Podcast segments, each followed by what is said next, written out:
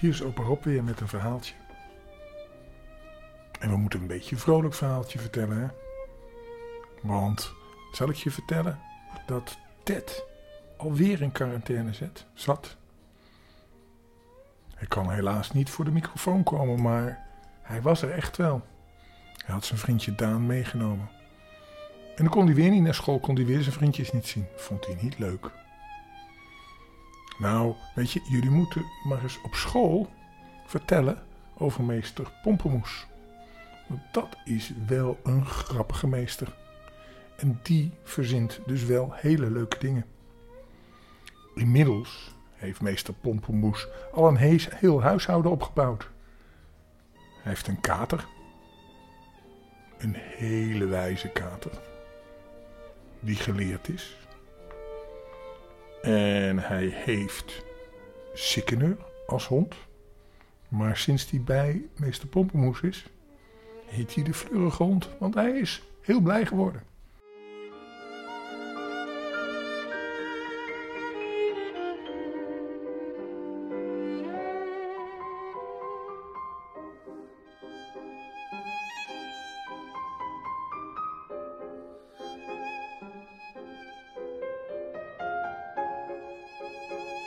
Nou, wil het geval dat meester Pompemoes eigenlijk een beetje ouderwets is. Daar gaat dit verhaal over. Want meester Pompemoes wordt overgehaald om een auto te kopen. Zoals jullie nog wel weten, hè, is meester Pompemoes in zijn hart eigenlijk een tikje ouderwets. Hij houdt van rust en stilte, van de mooie natuur en van oude, scheefgezakte huizen. Van natuur, van, van tuinieren en s'avonds rustig in een mooi dik boek lezen. Maar alle mensen moeten toch een beetje met hun tijd meegaan. Want anders zeggen je buren dat je in het museum moet wonen. Nou, dit laatste vertelde Joachim, de geleerde kat, van meester Pompomoes. En zijn andere bijzondere huisdier, de fleurige hond, was het met hem eens. Vooral wanneer meester weer eens mopperde over de aanschaf van een ijskast of een mixerklopper voor de keuken. Meester Pompenmoes, zo eigenlijk geen appelmoes, had nu echt een ijskast. Waar de appelmoes wel in stond. En een mixerklopper. En ook een elektrische koffiemolen.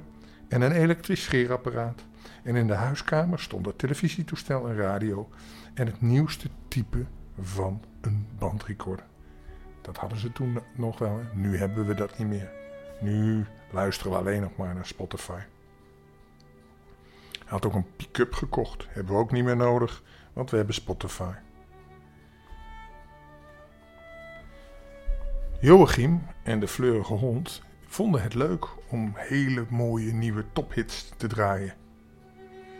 Maar één, één ding was er nog niet in huis. Eén mooi modern ding. Dat was een auto. Joachim en Fleurige Hond zeurden daar wel eens over en zeiden dat bijna iedereen tegenwoordig een auto had. Al was het maar een kleintje. En het was zo belangrijk. En, en zo'n belangrijk en bekend man als meester Pompen moest, eigenlijk wel een auto hebben. Het was toch te dwaas dat hij nog op, op een fiets rondreed. Maar dan zei de meester: Jullie kunnen me nog meer vertellen. Misschien ben ik eigenlijk wel een beetje belangrijk, ook wel een beetje beroemd. Maar ik heb tenslotte maar een schoolmeestersalarisje. En daar kan je echt geen auto van kopen. Zeker niet nadat ik al die moderne spullen voor jullie gekocht heb. Jullie vinden dat het thuis hoort in dit huis. En mijn huis is trouwens ook uit de 18e eeuw. Maar daar houden jullie geen rekening mee. In elk geval, een auto kan er niet af. Het geld groeit me niet op de rug. Ach, een goede tweedehands auto is echt zo duur nog niet, zei Joachim dan. Ik weet een vertrouwd adresje, waar je voor een niet zoveel geld een driedubbel goedgekeurde tweedehands auto kunt kopen. Ja, je moet uitkijken met die tweedehands auto's, maar op dit adres zijn ze driedubbel goedgekeurd en krijg je een jaar garantie. En over de betaling mag je ook nog een jaar doen. Maar weet u wat het is, meester? Ik geloof dat u helemaal niet kunt autorijden. Wat zeg je met haar? riep meester Pompemoes een beetje boos. Ik zou niet kunnen autorijden. Dat kon ik al toen de autofabrieken nog in hun kinderschoenen stonden. En een rijbewijs heb ik ook. Want ik heb het altijd laten verlengen. Heb ik jullie nooit verteld over die keer dat ik in een, in een jeep dwars door de, over het Himalaya-gebergte ben gereden? Weet je wat het Himalaya-gebergte is? Dat zijn hele hoge bergen. Daar hebben ze niet eens wegen. Daar moet je op klimmen. Maar ja, meester Pompemoes vertelt graag verhalen.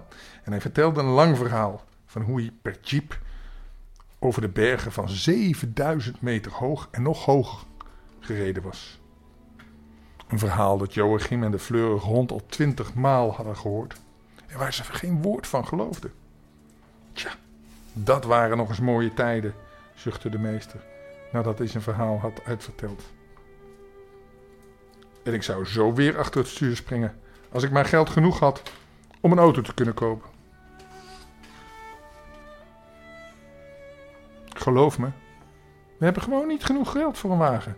Tweedehands, derdehands, vierdehands. Ik ben maar een arme schoolmeester. En daar moesten Joachim en de fleurige hond het mee stellen. Maar toen won Joachim de voetbalpool.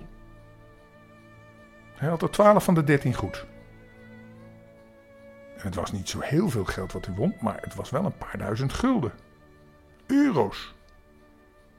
Hij ging met het geld in zijn rechterpoot naar meester Moppelhoens toe en zei: Alsjeblieft. Dat is voor u. Dat wil zeggen, het is voor ons drieën. Want met dit geld gaan we een auto kopen. Dat kan ik niet aannemen, stamelde de meester. Dat geld is van jou. Alles wat hier in huis is, is altijd van ons allemaal samen, antwoordde Joachim. Waar of niet? En daarom overhandig ik u als gezinshoofd deze bankbiljetten. Echter op voorwaarde dat u er een auto verkoopt. Hmm, zei meester Pompemoes. Maar we moeten ook een nieuw hek om de tuin hebben. En een nieuw vloerkleed voor in de huiskamer. En een traploper voor op de trap. En het dak lekt aan alle kanten. Dat komt wel als ik een volgende keer de voetbalpool in, zei Joachim. Eerste auto.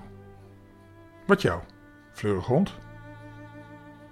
Je weet, zei de fleurige hond, dat ik tot het geslacht van Heideland Overveld behoor, zei de fleurige hond.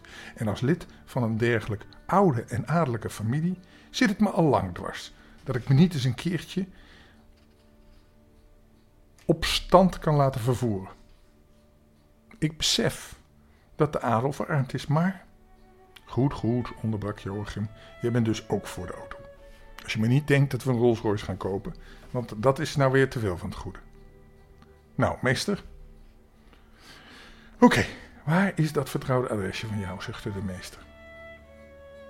En de volgende dag gingen meester en Joachim en de fleurige hond naar het vertrouwde adresje toe voor een goede tweedehands auto. Het was een garagehouder die er inderdaad bijzonder keurig en fatsoenlijk uitzag. Hij liet zijn klanten een stuk of wat tweedehands auto's zien. Maar Joachim vond de ene auto te klein en meester Pompenmoes de andere te opzichtig en de fleurige hond de derde te gewoontjes. Ik begrijp het al, zei de garagehouder. U zoekt een bijzondere auto, een bijzondere wagen. Een wagen die bijzonder is. Maar toch niet te veel opvalt, die ruimte biedt, maar toch niet als een oorlogsschip lijkt, die niet gewoon is en toch ook niet ongewoon. Precies, zei meester Pompemoes en Joachim en de fleurige hond. Daar waren ze het mee eens. Tja, zei de garagehouder aarzelend, ik heb hier een mooie wagen. Een keurige wagen, een bijzondere wagen. Kijk, daar staat hij. Hij wees naar de hoek van de garage en daar, afgezonderd van alle andere auto's, stond een prachtig zwart wagentje. Niet te klein en niet te groot, een beetje deftig en tegelijkertijd met iets sportiefs. Niet verschrikkelijk opvallend en toch ook weer niet gewoontjes. Dat is wat we zoeken, zei meester Pompemoes onmiddellijk. Een wagen voor fijnproevers, zei Joachim. Een wagen van adel, zei de fleurige hond. Tja, zei de garagehouder opnieuw aarzelend. Maar ik moet u wel even waarschuwen. Er is niets op deze auto aan te merken. behalve dat hij zich soms bijzonder gedraagt. Hij rijdt heerlijk hoor, en zuinig ook, maar soms staat hij ineens stil. En dan kun je hem van boven tot onder onderzoeken, maar hij mankeert niets. Het lijkt wel of hij er dan eenvoudig geen zin meer in heeft om verder te rijden. Maar plotseling gaat hij dan toch weer rijden. Net alsof hij tegen zichzelf heeft gezegd: Vooruit maar weer, laat ik maar weer even aardig doen. En we weten niet hoe dat nou precies komt. Het is ook een auto van een heel bijzonder zeldzaam merk. Dogemi, zo heet dat merk. Heeft u er wel eens van gehoord? Nee, zei meester Pompenmoes. Maar dat kan me niet schelen ook. Wat dat plotselinge stoppen betreft, dat vind ik wel, daar vind ik wel wat op. Ik ben eens eens in een eenvoudige jeep dwars over het Himalaya-gebergte heen gereden. Ik kan met auto's omgaan, al zeg ik het zelf. Nee, dit is de auto die we moeten hebben. Joachim en de fleurige hond knikten enthousiast. En de garagehouder zei: Goed dan. U krijgt hem op proef. Als u hem na een week niet bevalt, brengt u hem rustig terug. En u hoeft me nu nog niks te betalen. Dat zien we over een week wel. Meester Pompenmoes zei dat dat afgesproken was en ze stapten meteen met z'n drie in de auto en reden weg. Meester zat achter het stuur en hoewel hij in het begin nog wat onhandig reed, bemerkte Joachim en de fleurige hond al gauw dat hij niet eens zo erg had opgeschept met zijn rijkunst. Meester Pompenmoes zei zelf dat hij er zo goed in kon rijden doordat de auto zo plezierig aanvoelde. Niet supermodern, maar juist een beetje ouderwets. Toch niet te stijf en ook niet hortend en stotend. Meester Pompenmoes had zijn vrije zaterdagmiddag en ze reden de natuur in, langs de hei en tussen de prachtige bossen door. Het was al mooi lenteweer en de kap van de auto kon open. En de meester en Joachim en de fleurige hond voelden zich zo gelukkig dat ze het hoogste lied zongen. Ze reden al verder en verder. De smalste wegen op tot waar geen auto of bromfiets of fiets meer te zien was. En waar het zo stil was dat ze er zelf ook stil van werden.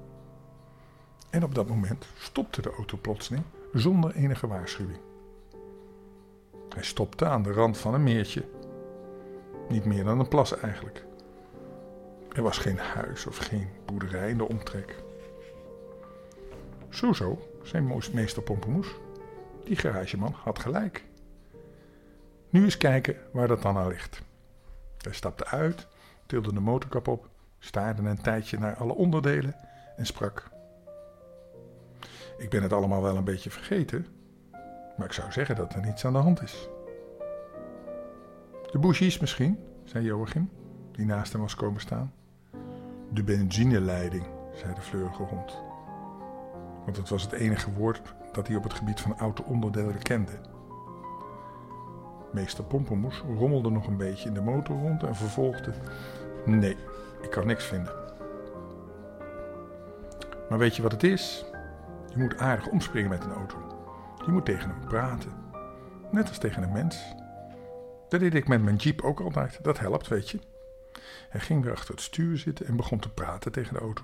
En vroeg: Vertel me eens, wat is er aan de hand? En waarom doe je nu zo flauw? Maar de auto zei niets terug. En de motor kwam niet in beweging. Hij stapte opnieuw uit en zei: Je laat ons toch niet in de steek, Doremi? Daar ben je toch veel te aardig en te fatsoenlijk voor. Een auto met zo'n aardige naam. Doremi. Of moet ik soms een liedje voor je zingen?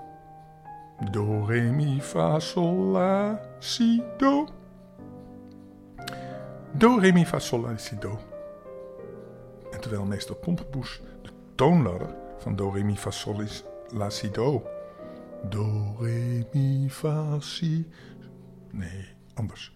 Do, re, mi, fa, sol, la, si, do. Zo sloeg de motor plotseling aan. Hé. Nu doe je het plotseling wel, wel weer, hè? Hoe komt dat nou? Omdat ik tegen je praatte? Of misschien omdat ik voor je zong? De motor sloeg weer af en de auto zei: Neemt u me niet kwalijk dat ik even de motor afzet. Maar zo kan ik me beter verstaanbaar maken. Inderdaad, meester Pompenmoes, mijn nieuwe meester, Ik ben zeer gesteld op van tijd tot tijd een vrolijk lied. Ik voel me daar prettig bij en dan rijd ik soepel en met plezier. Niemand heeft dat ooit begrepen. Mijn vroegere meester niet, dat was een notaris. En de garagehouder niet, en geen van de monteurs die aan mijn ingewanden hebben gemorreld. Wanneer ik soms plotseling stop, dan betekent dat slecht. Laat mij een vrolijk liedje horen. En dan rijd ik gewoon weer verder. U bent de eerste die dat heeft begrepen. Ik maak u daarvoor een compliment. De motor ging weer zachtjes draaien en de meester antwoordde, toch een weinig verbaasd. Dank u. Waarna hij tegen Joachim en de fleurige hond zei: Zo, nou dat weten we dan weer. Instappen jongens en zingen.